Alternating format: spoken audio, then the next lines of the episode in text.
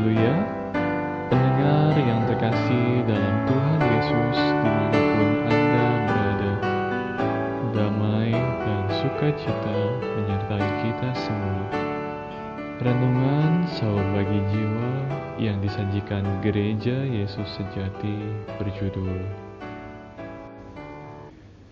Tujuan yang sesungguhnya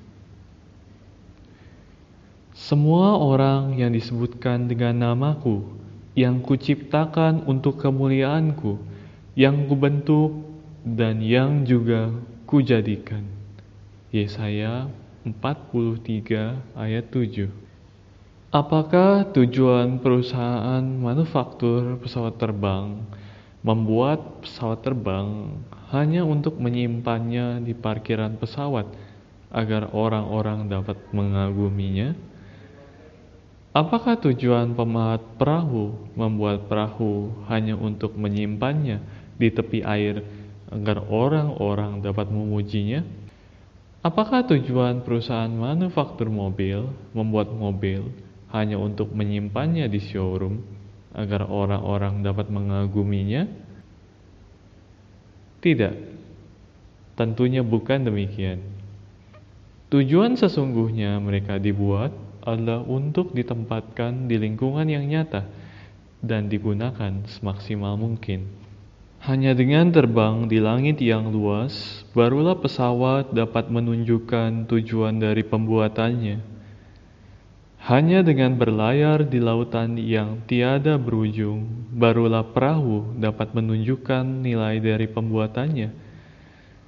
Hanya dengan berkendara di jalanan yang jauh, barulah mobil dapat menunjukkan makna dari pembuatannya. Jadi, bila dapat berguna untuk si pembuat, barulah barang ciptaan itu tidak menyia-nyiakan tujuan pembuatannya. Demikian juga dengan kita. Kita adalah ciptaan Tuhan. Bila kita diciptakan berguna bagi Tuhan, barulah kita tidak menyia-nyiakan tujuan dari penciptaan Tuhan. Kita adalah tanah liat. Tuhan adalah tukang periuk. Seluruh kehidupan kita merupakan karya tangan Tuhan.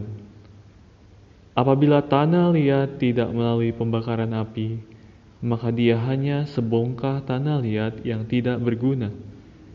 Namun apabila telah melalui pembakaran api, maka pasti menjadi alat yang berguna bagi Tuhan. Tujuan sesungguhnya Tuhan memilih kita menjadi umatnya adalah karena dia ingin kita memperoleh anugerah keselamatan serta menjadi alatnya yang mulia.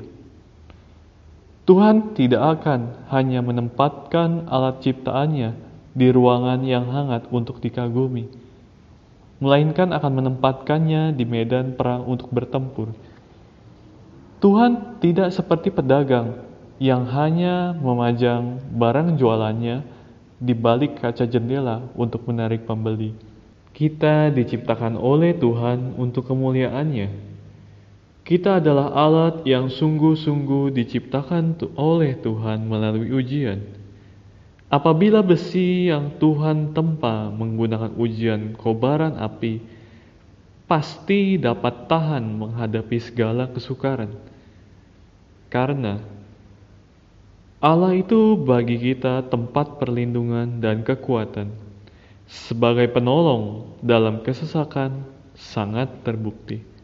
Mazmur 46 ayat 1 Apabila kita menghadapi kesukaran, kita memiliki Tuhan sebagai sandaran, maka tidak ada lagi yang perlu ditakutkan.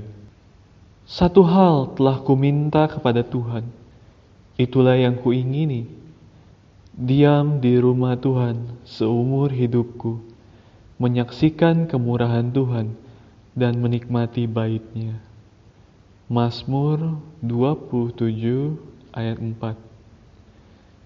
Kiranya kita jangan lupa akan satu lagi tujuan Tuhan menciptakan kita, yaitu agar kita seumur hidup bersandar kepadanya memujinya, taat kepadanya, serta menjadi prajurit Kristus yang memuliakan Tuhan.